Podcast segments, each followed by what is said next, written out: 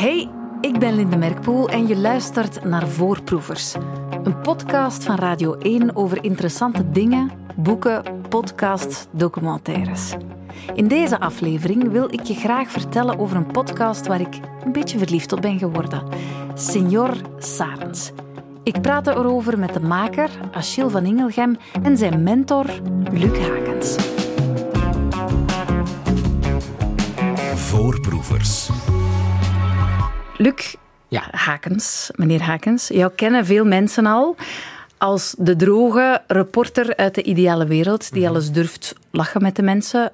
Weinig mensen weten, denk ik, dat niet televisie, maar de radio eigenlijk jouw allereerste liefde was. Dat is waar. Ik ben begonnen hier op Radio 1 als documentairemaker bij Piazza.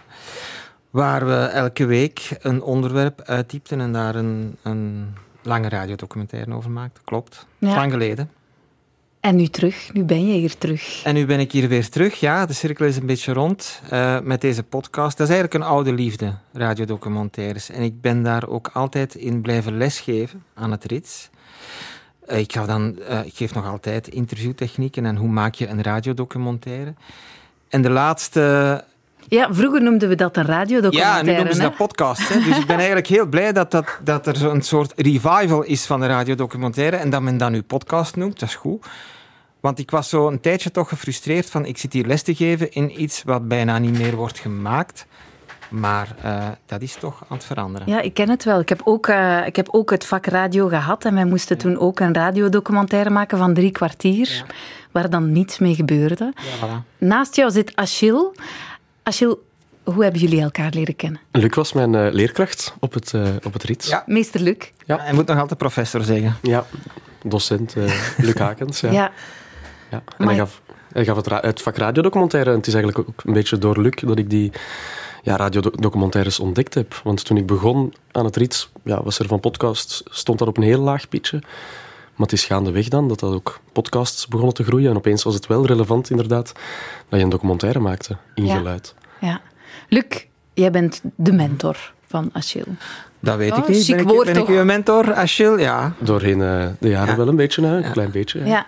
Luc, je hebt ondertussen afscheid genomen van de ideale wereld, Ja. van Woestijnvis ook zelfs. Ja. Je hebt nu zelfs een podcastproductiehuis. ja, de Podcast Planet. Ja, wat vind je daar wat je de afgelopen jaren niet meer vond in je vorige job? Wel, uh, om dingen zelf helemaal te bedenken en zelf te maken met een kleine, toffe ploeg rond mij. Ik ga niet zeggen dat ik dat bij Woestijnvis niet kon doen, maar daar was het, op den duur voor mij was het bedrijf Woestijnvis gewoon een beetje te groot geworden voor Mhm. mij. Ik, ik voelde me daar op den duur een beetje ja, verloren gelopen. Andere mensen hebben daar totaal geen last van. Ik zit anders in elkaar. Ik werk liever met een kleine ploeg. Voilà. En daarom ben ik begonnen met de Podcast Planet. En ook een tv-productiehuis. Ook heel klein. En dat bevalt me wel. Ja, en die podcast Planet brengt jou hier om het te Ja. hebben over ja, die eerste podcast Worp, denk Ja. ik dan. Het is de allereerste. Nee, we hebben er nog gemaakt. Maar dit is de eerste echt grote project voor VRT. Dan. We zijn er zelf heel fier op. Achille heeft dat fantastisch goed gedaan. Ik heb hem een klein beetje geholpen, maar niet zoveel. En ja, we zijn heel blij met de, met de feedback die we nu krijgen. Heel veel mensen zeggen dat het toch wel echt de moeite is. Dus dat, Ja. dat doet plezier. Als je hem wil horen, hij staat op VRT Max sinds Ja. vorige week. Senior Sarens, die moet je zoeken. Achille, het verhaal kwam eigenlijk naar jou, hè? Ja, dat kan je wel zeggen. Hoe? Goh, dat is al uh, bijna tien jaar geleden. Uh, mijn familie is zelf ook afkomstig uit de regio Steenuffel, uit Mhm. Malderen. Dat is een naburig dorp, maar dat, eigenlijk is dat, dat één pot nat. Um, ja, met familiefeesten passeerden we heel vaak langs het kranenbedrijf Sarens op de A12. Zoals zoveel mensen. Zoals zoveel mensen. Uh, en ik weet nog op een zomerdag, ergens in 2013, dat mijn mama vertelde over wat er met Jan Sarens in Mexico gebeurd was. En dat is mij altijd blijven fascineren, blijven inspireren. Later ging ik dan naar het RITS, radio studeren.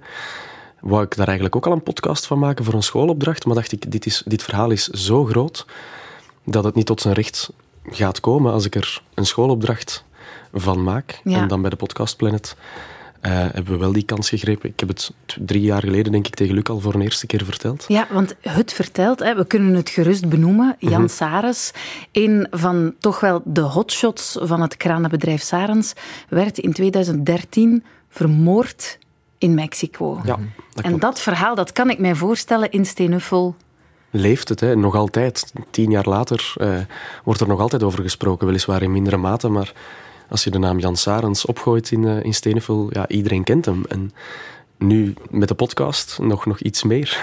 Wat wilde je eigenlijk doen met, met deze podcast? Niet de moord oplossen, daar ben je van in het begin heel duidelijk in. Hè? Nee, ik denk een manier zoeken om een verhaal te vertellen dat al gebeurd is. Omdat je heel vaak in zoektochten op zoek gaat naar iets. En hier was er niet echt iets om naar op zoek te gaan, maar wel een heel mooi verhaal om te vertellen. En op een manier met, door het reconstrueren van heel veel familieleden, met heel veel uh, mensen dat gewerkt hebben bij Sarens, met Mexicanen, met zijn dochters, een soort collage te maken om het verhaal te reconstrueren. Het is uh, een mooi verhaal, maar ook een moeilijk, triest verhaal. pijnlijk, triest verhaal. En niet evident lijkt mij om een familie met zoveel pijn en zoveel trauma te overtuigen van hey, geef jullie verhaal eens aan mij. Nee, zeker, zeker en vast. Hoe heb je dat aangepakt? Goh, ik ben via mijn, via mijn mama, uh, die kende mensen van Sarens, uh, om, ja, omdat ze in hetzelfde dorp woonde, heeft zij een berichtje gestuurd naar uh, een broer van Jan, die ze dan persoonlijk kende. En zo ben ik bij de dochters terechtgekomen. Heb, heb ik eens met een van de dochters gebeld en zijn Luc en ik naar hen gegaan om ja, ons idee te pitchen aan hen. En dat is natuurlijk, ja, dat is met heel kleine stapjes en vertrouwen winnen. Dat is niet altijd even makkelijk gegaan, maar ja, met de tijd win je vertrouwen en ja, laat je eens iets horen en hebben ze ook wel door van ja, dit kan ook wel een heel waardevol tijdsdocument zijn voor ons als familie. En zo stilletjes aan. Mhm. In jouw zoektocht naar het verhaal mhm. van Jan Sares heb jij Luc meegesleurd? Ja. ja. Hoe reageerde jij, Luc, toen Achille hiermee afkwam? Ja, ik ben altijd blij als iemand mij belt. Wil je mee naar Mexico of een of ander exotisch land? Dus ik was daar zeker niet, niet boos om. Maar ik, ik begreep de vraag wel. Omdat uh, als je legde mij dan uit, kijk, ik, ik ben niet echt een reiziger. Hij is nog nooit buiten Europa geweest, wat niet zo raar is op zijn leeftijd. En Mexico is nu echt niet het land waar dat je uh, als jonge gast helemaal alleen wilt naartoe gaan. Zeker niet voor dit onderwerp. Wij zijn uh, daarna, nadat hij mij dat gevraagd had, is gaan praten met iemand die Mexico goed kent. En die verklaarde ons half gek. Niet omdat we naar Mexico op reis gingen, dat niet, maar wel omdat we um, een moordzaak wilden terug oprakelen. En ja, dus het was wel een terechte vraag van ga mee, want het is gewoon een beetje tricky daar. Mm Heb je getwijfeld? Ik heb niet getwijfeld, nee, want ik wou, ik wou hem dat sowieso niet alleen laten doen. Ja. Niet dat ik zo'n held ben en zei van ik ga, ik ga mee en ik ben nu een bodyguard. Absoluut niet. Ik ben, ik ben eerder een, een, een bangere, uh, een, ja, zeg het maar, een sissy. maar met twee ben je toch altijd iets sterker dan alleen. Hè? Ja. Voorproevers. Zijt maar zeker dat alles begint bij luisteren. En dan mag ik je vanavond toch wel echt een tip meegeven. Het allerbeste wat er deze dagen te luisteren is op VRT Max, mijn mening, is Senior Sarens. Een podcast die draait rond een moord. Van ondertussen bijna tien jaar geleden. We keren even terug naar het radionieuws van 2013. In Acapulco, Mexico, is een Belgische zakenman vermoord. Het gaat om Jan Sares, topman van bouwkranenbedrijf Sares, dat al jarenlang actief is in Mexico. De 59-jarige Sares is doodgeschoten op straat in een luxe buitenwijk van Acapulco. De Jan Sarens uit dit nieuwsbericht is de Senior Sarens, waar die podcast naar genoemd is. En die werd gemaakt door Achille van Ingelgem onder goedkeurend oog van zijn mentor, Luc Hakens. We hebben daar net goedkeuring gekregen om dat woord te gebruiken. Uh, wat voor iemand was Jan Sarens? Tja, ik heb hem nooit persoonlijk gekend, maar ik heb wel het gevoel dat ik hem door de podcast te maken heb leren kennen. Um, en bij iedereen waar ik langs ging, was het eerste wat ze zeiden ongelooflijk technisch. Dat hij echt een technische capaciteit had dat je je niet kunt voorstellen. Mede door op te groeien in zo'n gigantisch ja, kranenbedrijf, maar ook met zo'n gigantische familie. Een bon vivant is het tweede dat ze zeggen. Echt een levensgenieter. Uh, en ook iemand die heel avontuurlijk is. Ik denk dat dat de drie kernwoorden zijn die het vaakst terugkwamen tijdens de interviews. Um, dus ja, en ook door zijn familieleden allemaal te spreken en zijn dochters, krijg je ook wel een beeld, een kleine puzzel van wie Jan Sares nu juist was. Ik snap je wel, Achille, hoe je zegt van ik heb het gevoel dat ik hem heb leren kennen, want dat gevoel heb ik ook. Mm -hmm. uh, in de podcast hoor je heel veel familieleden van alle anekdotes vertellen. Ik denk, een van de anekdotes die mij uh, bijblijft, is deze. Hij kon voor vijf minuten slapen. Hij kon ook liggend op een tafel slapen. Ligt op een steen, ligt op een bank, op een stoel. Ik kon overal slapen. Ook. dus, eh, hij kon, als hij bij mensen op bezoek was, hij zocht de badkamer en hij kon daar slapen. Echt waar? In bad. In bad. En hij heeft dat op verschillende, in verschillende huizen gedaan, geslapen in bad. naar het toilet geweest. Had hem even in bad neergelegd voor even zijn ogen dicht te doen. En lag ik er al een uur te slapen of zo. En hebben ze hem dan ook soms gevonden in het bad? Ah ja, natuurlijk. Ja, ja, ja, ja, ja, ja. ja. Hij trok zich dat ook niet aan. Hè. Hij, hij trok het zich ook niet aan. Eh, de mensen die we horen vertellen hier eh, zijn zussen en een broer van Jan. Klopt. Hans, Annemie en Griet. Ja. Uit het hoofd, denk ik, als ik me niet vergis. Soms is het een beetje een, eh, een kluwe van, Ja. van stemmen. Maar het is ook wel opmerkelijk. Ehm, een Sarens komt nooit alleen. Die komen in een grote groep. Eh, daar hangt een hele familie aan vast. En die familie speelt echt een hoofdrol in deze, deze podcast. Hè? Ja, ja, absoluut. absoluut. En dat was ook, het was nodig om het verhaal te vertellen. Hè? Ja, ja, ja. En ik ben eigenlijk ook heel blij dat die mensen ons vertrouwen gegeven hebben om dit Zeker. te maken. Want daar was ik heel bang voor.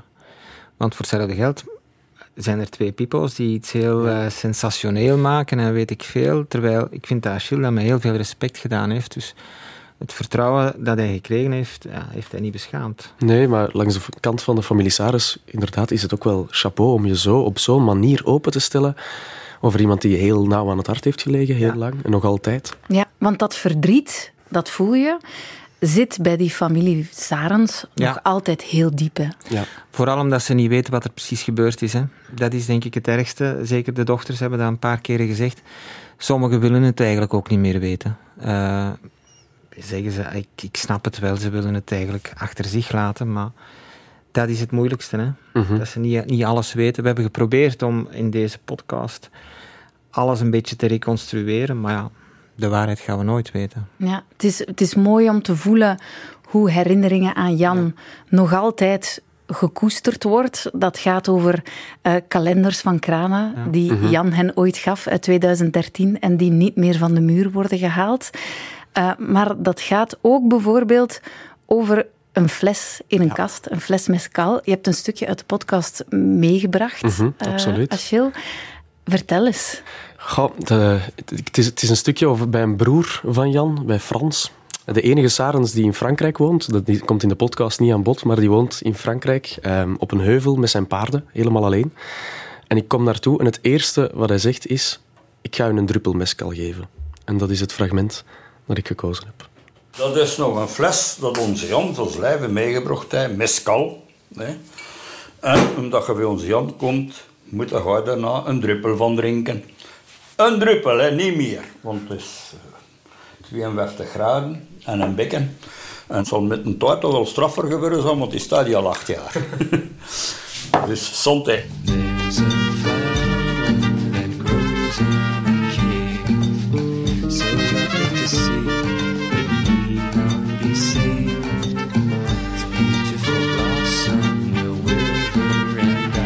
Druppel mescal heb je daar gedronken. Ja. Ik vond dat heel tekenend, omdat dat is een gekoesterde fles, hè? Zeker, Waar jij een druppel uit hebt gekregen. Dat zegt Ja. zoveel absoluut. over hoe dicht jij mocht komen Ja, ja, ja. bij die mensen en hun verhaal. Ben je dan een, een trotse leerkracht, Luc, kijkend naar jouw leerling? Ja, echt waar, ja. Echt waar, want ik weet hoe moeilijk het is om mensen te overtuigen of om mensen hun vertrouwen te winnen.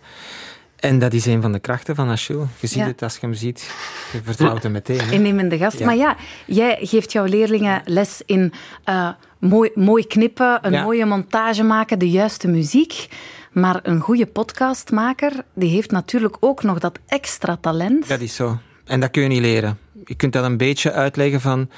Als je bij mensen binnengaat, doe dan dit of doe dan dat. En doe vooral niet dat. Maar je moet het in je hebben. Dat weet je ook. Allee, interview, interviewers zijn mensen die andere mensen ja, hun vertrouwen moeten kunnen winnen. En dat zit in u of dat zit niet in u. En dat zit dus in Achille. Allee, merci. Bloze kaken, bloze kaken. En eh, het eerste wat hij trouwens gedaan heeft in Mexico is zo'n fles mezcal kopen. Ja. En ik heb, ik heb binnenkort ook afgesproken met de dochters eh, Ja. om een druppel mescal te drinken Ja. op het afronden van de reeks om de cirkel helemaal rond te maken. Is het echte mescal? Want in echte mescal zit een worm, hè? Ik weet het. Ja, ik heb hem in Mexico gekocht op aanraden van een Mexicaan. Ja. En hij beweerde dat het echt een mescal, mescal was, maar er zit geen worm in. Ja, je zal het gauw weten, want van echt goede mescal word je naar het schijnt niet apendronken. Dus dat weten we binnenkort. Ehm, je hebt die fles gekocht in Mes- Mexico, zeg je net. Want ja, de zoektocht naar Jan kon nergens anders eindigen, onvermijdelijk dan in Mexico. Eh, de plek waar hij het leven liet. Jullie zijn, voor alle duidelijkheid, niet beland in toeristische hotspots, maar jullie reis ging naar Acapulco, de plek waar Jan werd neergeschoten. Niet meteen een gezellige plek, als ik het zo...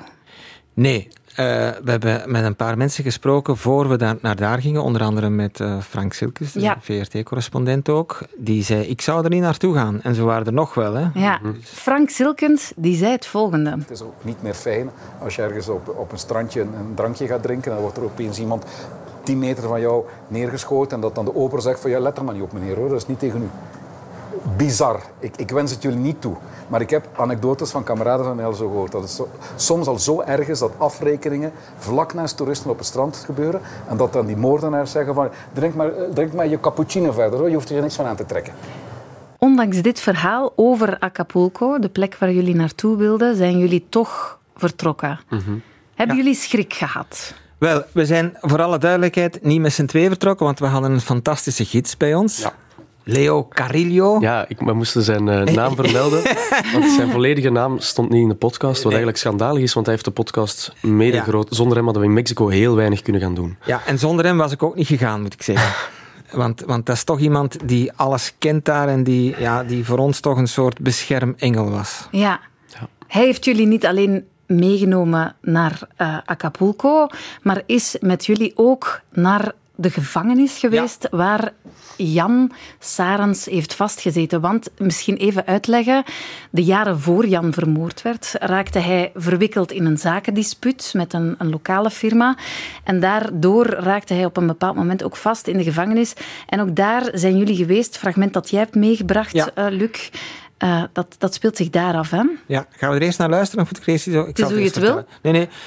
Dus eh, ja, Leo heeft ons meegenomen naar die gevangenis. En dat was toch echt wel een heel beangstigende sfeer daar. Ik ben nog niet zoveel in gevangenissen geweest, eh, maar daar, daar voelde je een soort dreiging. Daar liepen ook van die mannen rond, niet eens in uniform, met eh, zware mitrailletten en zo. En ook, ik was niet op mijn gemak, moet ik zeggen. Want eh, onze gids, die hadden we dan zo'n microfoontje onder zijn hemd gespeld.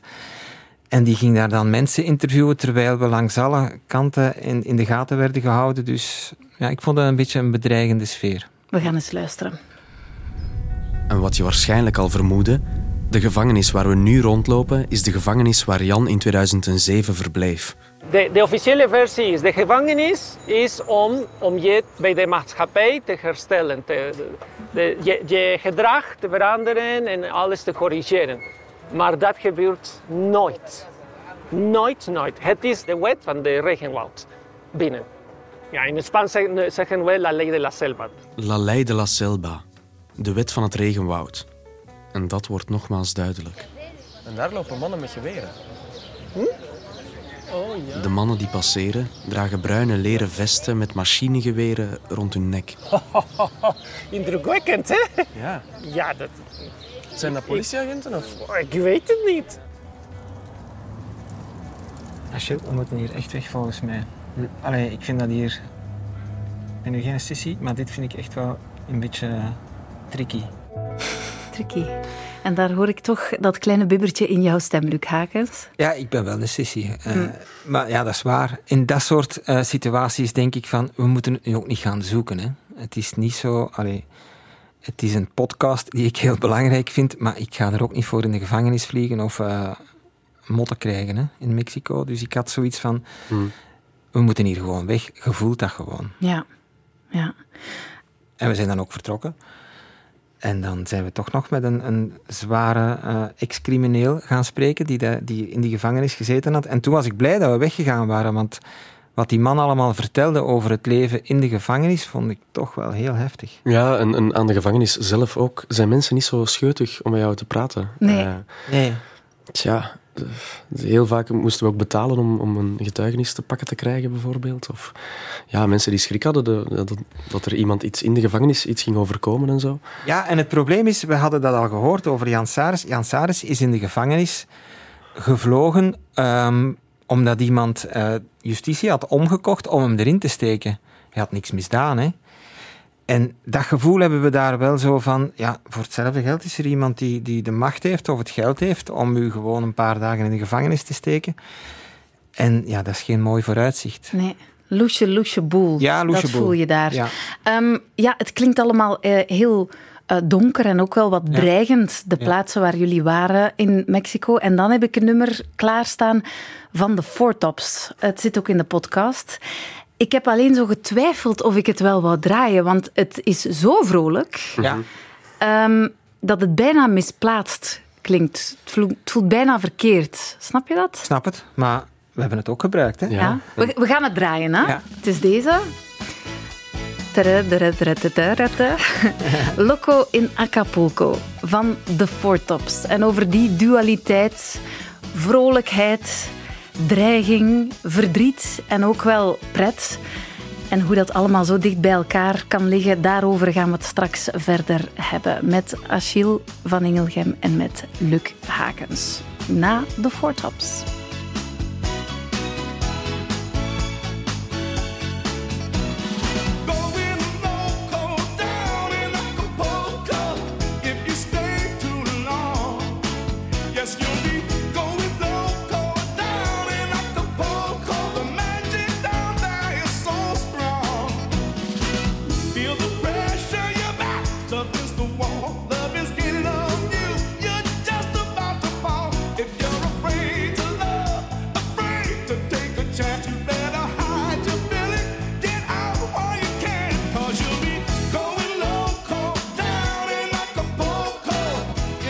Geniaal nummer van The Four Tops. Het zit ook in de podcast Senior Sarens nu te beluisteren op 14 Max.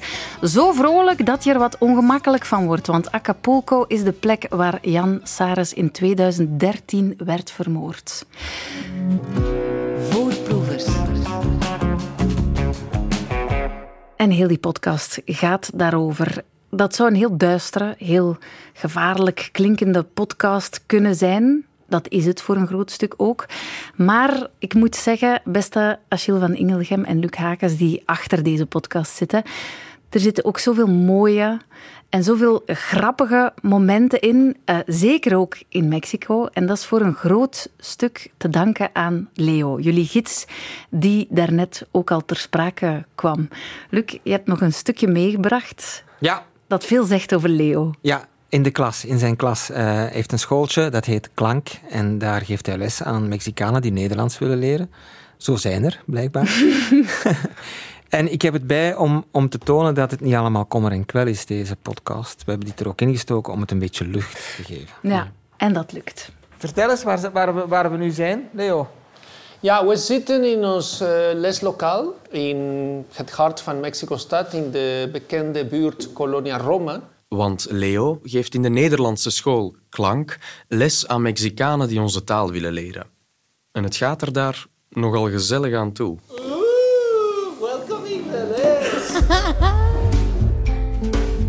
Vandaag staan er lange klinkers op het programma. Lange i is zoals in het Spaans. Ik zeg, oei, de tafel is vies. Oeh, De tafel is vies. Herhaal het. De tafel is vies. En lange O is alsof je ook onder de indruk was. Oh. De muur is mooi. Ja, perfect. goed dat jullie dat goed hebben gedaan, want veel Mexicanen hebben problemen met de lange U. Ze zeggen in plaats van huur, zeggen ze hoer. Vragen? Goed zo, dat is goed. Jij doet dat goed, Theo. Ja, ja, heel goed. Ja, oké, bedankt. Ah, ik word rood. Rood. Ja, klopt. Ja, niet rood, maar ja, rood is anders, hè? Wauw. Wat een crème van een personage, zeg. Schitterende gast, hè? Ja, fantastisch. Die jullie eigenlijk plotsklaps in de schoot werd geworpen. Hij bood Ja. zichzelf aan als gids. En wat bleek? Hij kende Jan Sarens persoonlijk. En als je dat gewoon zo zegt, denk je dat is in scène gezet. Maar dat is dus echt zo. Ja. Via een Facebook-oproep ja, zijn we op hem ges... Allee, heeft hij zich aangeboden eigenlijk. En, en ja. Ja, dan zou je denken, klein land, Mexico, maar dat is het niet. Nee, absoluut niet. Samen met hem zijn jullie ook naar de plek gegaan waar Jan Sares, en dan wordt het heel donker, Mhm. Waar Jan Sares in 2013 werd neergeschoten. Een parking Ja. van een shoppingmall. Mijn haar gaat alweer een klein beetje recht staan als ik eraan denk. Ja. Op die plek staan. Hoe krijg je dat aan iemand die geen podcast maakt? Hoe krijg je dat aan iemand uitgelegd? De belangrijkheid om daar als verteller van dit verhaal met je beide voeten te staan. En wat doet dat met jullie? Ja, veel mensen vonden het raar dat we voor deze podcast naar Mexico trokken. Maar achteraf bekeken, ik, ik- het was nooit een optie om het bijvoorbeeld via Zoom te doen of via Skype of zo. Dat kan je niet. De- de- daar staan op die plek is zo belangrijk. Ook voor mij als, als maker.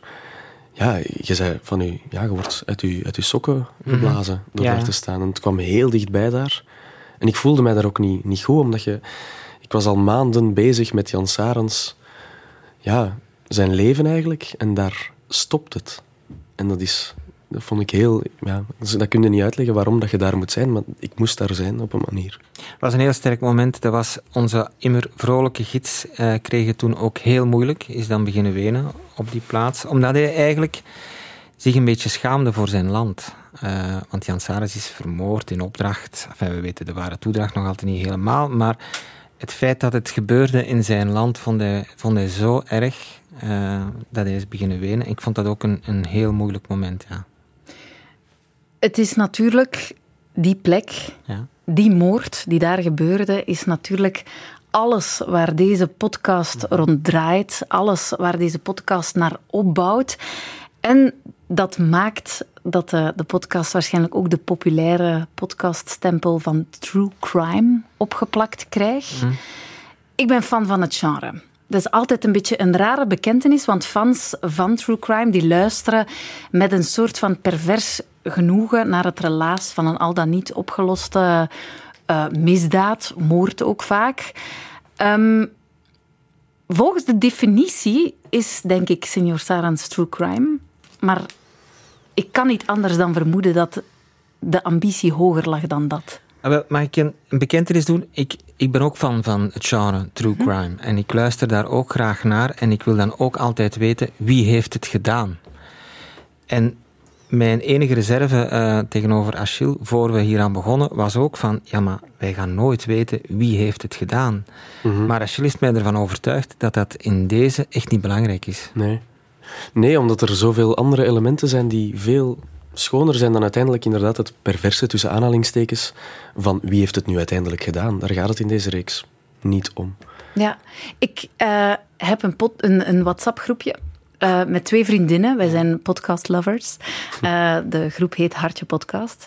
En ik stuurde hen gisteren een berichtje. Jongens, ik heb zo genoten van Senior Sarens. Alleen ik kreeg het niet getypt om gewoon genoten te ja, typen. dat. Ik heb het tussen aanhalingstekens moeten zetten. Omdat ik denk dat het komt omdat het eh, geen Amerikaans verhaal is, maar het is zo Vlaams. Door heel de familie zo uitgebreid te horen, komen ze zo dicht. Dat was ik voor- had ja. het er. Ik, het, oh, ik, ja, ik, ik zei het al. Ik heb het op een bepaald moment ook moeten afzetten. Ik, omdat, het, omdat het mij zo ontroerde en zoveel deed. Ja, ja. Maar je hebt daar ook moeite mee gehad. Ik ook Ja, hoor. vooral de, de aflevering waarin Jan dan uiteindelijk sterft. Toen ik die moest maken, had ik het gevoel dat ik zelf touwtjes in handen kreeg. En zijn lot anders kon bepalen. Want ik wou niet ja, dat hij vermoord werd. En dan moet je toch verder om je verhaal te vertellen. En ik, had het daar, ik heb zelf tientallen keren geweend bij het maken van, van Ja. die aflevering.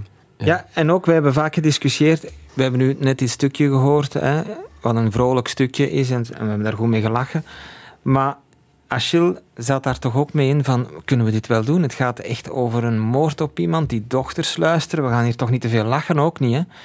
Maar we, anderzijds kun je ook niet een, een kommer en kwel eh, reeks maken, want dan gaat iedereen toch afhaken. Dus het was een wankel evenwicht de Ja, hele ja, ja, tijd. ja. Hebben jullie al reacties gekregen van de familie? Ik moet zeggen, op het einde van de podcast, ik had zin om ze allemaal te mailen, ermee af te spreken en hen allemaal een soort van familiale group hug eh, te geven. Ja, de familie Saris is me belachelijk veel. Die- Ik denk dat ze met 200 zijn of zo op hun familiefeesten. Of nog, ik denk zelfs nog meer.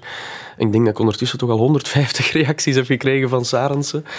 Eh, Maar allemaal goede reacties. Allemaal positief, ja. Iedereen, eh, iedereen zegt echt dank u om, om onze Jan, noemde ze hem, om onze Jan weer even bij ons te brengen met, met deze podcast. Ja, ik, ik denk dat je hen een prachtig cadeau hebt eh, gegeven, Achille. Ehm, het is zoveel meer dan true crime. Voor mij is het een, een soort van familiekroniek. Ehm, het is een, een relaas van een trotse ondernemersfamilie. Het geeft een prachtige inkijk in de, in de hoofden van wat zo'n trauma doet met zo'n zo'n familie. Ehm, het zal niet het makkelijkste cadeau zijn dat je hen hebt gegeven, denk ik, maar wel een cadeau. Op het einde van de podcast zeg je wel iets belangrijk, wat ik je toch nog moet, moet vragen. Er zijn nieuwe feiten aan het licht gekomen in de zaak Sarens. Mhm. Maar ik heb daar zelf ook geen weet van, omdat dat, ik zeg het, vanaf het begin was dat niet de insteek, maar er was wel een punt, op een, op een bepaald moment kreeg ik een bericht van een van de dochters, ehm, ja, we gaan de podcast moeten stopzetten, want er zijn bepaalde feiten aan het licht gekomen zonder daarover uit te wijden. En ze twijfelden of ze nog wat verder werken, omdat het, het die, die nieuwe feiten in gevaar zou kunnen brengen. En dat is dan weer die kwestie van vertrouwen. Van, van oké, maar het gaat niet over de zoektocht naar de dader. Daar gaat het helemaal niet over. En het liefst van al hoop ik dat er nog altijd gerechtigheid komt voor Jan Sarens. En een antwoord. En een antwoord de vooral. familie. Dat het ook kan rusten na bijna tien jaar. Ja. We gaan er niks meer over zeggen. Hè. Lijkt mij inderdaad verstandiger dan. Ehm, maar inderdaad, laten we hopen hè, voor die familie dat ze het op een bepaald moment ook gewoon kunnen, kunnen neerleggen. Voorproevers. Beste Achille van Ingelgem, beste Luc Hakens, dank je wel voor jullie tijd, voor jullie verhaal en vooral voor jullie podcast. Achille, zeg me please, want ik ben nu natuurlijk, ik ben nu natuurlijk hooked. Hè. Ik ben een, een fan van jou geworden. Zeg me please dat er al een nieuw podcastplan ligt. Er zijn een paar ideetjes aan het borrelen, maar ik denk dat ik toch eerst eh, ga genieten van een deugdende vakantie. Naar? En dan eh, naar Argentinië en naar Corfu. Ah ja, oké. Argentinië, ja, je blijft eh, Ja, wie weet. de, Zuid-Amerikaanse contraien opzoeken. Wie weet, wat kom je daar tegen? Het is dat. Ehm, beste Luc, wat ligt er nog op jouw werkplankje deze dagen? Wel, ik ben druk bezig eh, om een programma af te werken dat ik voor één gemaakt heb, een televisieprogramma. Het Grote Onbekende. Een reisprogramma, juist. Inderdaad, Ik heb er ja. al over gelezen. Ja, voilà. Dat zal worden uitgezonden op 1 vanaf 4 oktober. Oké. Elke dinsdag, dus daar ben ik nu, ja. En wat maakt jouw reisprogramma het andere reisprogramma, Luc? Wel, het is een programma waarin ik eh, studenten ga opzoeken in het buitenland die daar studeren, Vlamingen. En één van hen is mijn eigen dochter. Ik heb dat programma eigenlijk gewoon verzonnen omdat ik eens wou zien wat mijn dochter allemaal uitspookt. Op kosten van de zaak. buitenland. Anders had ik ze nooit mogen bezoeken, dus heb ik er maar een programma over gemaakt. En dat wordt dus binnenkort uitgezonden. Oké, wat is binnenkort? Kan al niet wachten. Ja, wel binnen een maand, 4 oktober, Top. En te zien op één dan. op 1, elke dinsdag. Oké, heel goed. Maar ik zou jullie vooral willen aanmoedigen om nog veel eh, samen na te denken over nieuwe podcasts. Want ik ben een binger, hè. Ik ben een binger. Dankjewel. Nog veel succes eh, met Podcast Planet, jouw eh, productiehuis. En ook dan ja, jouw televisieprogramma's van de toekomst. Beste Luc Hakens en beste van Ingelgem Achille.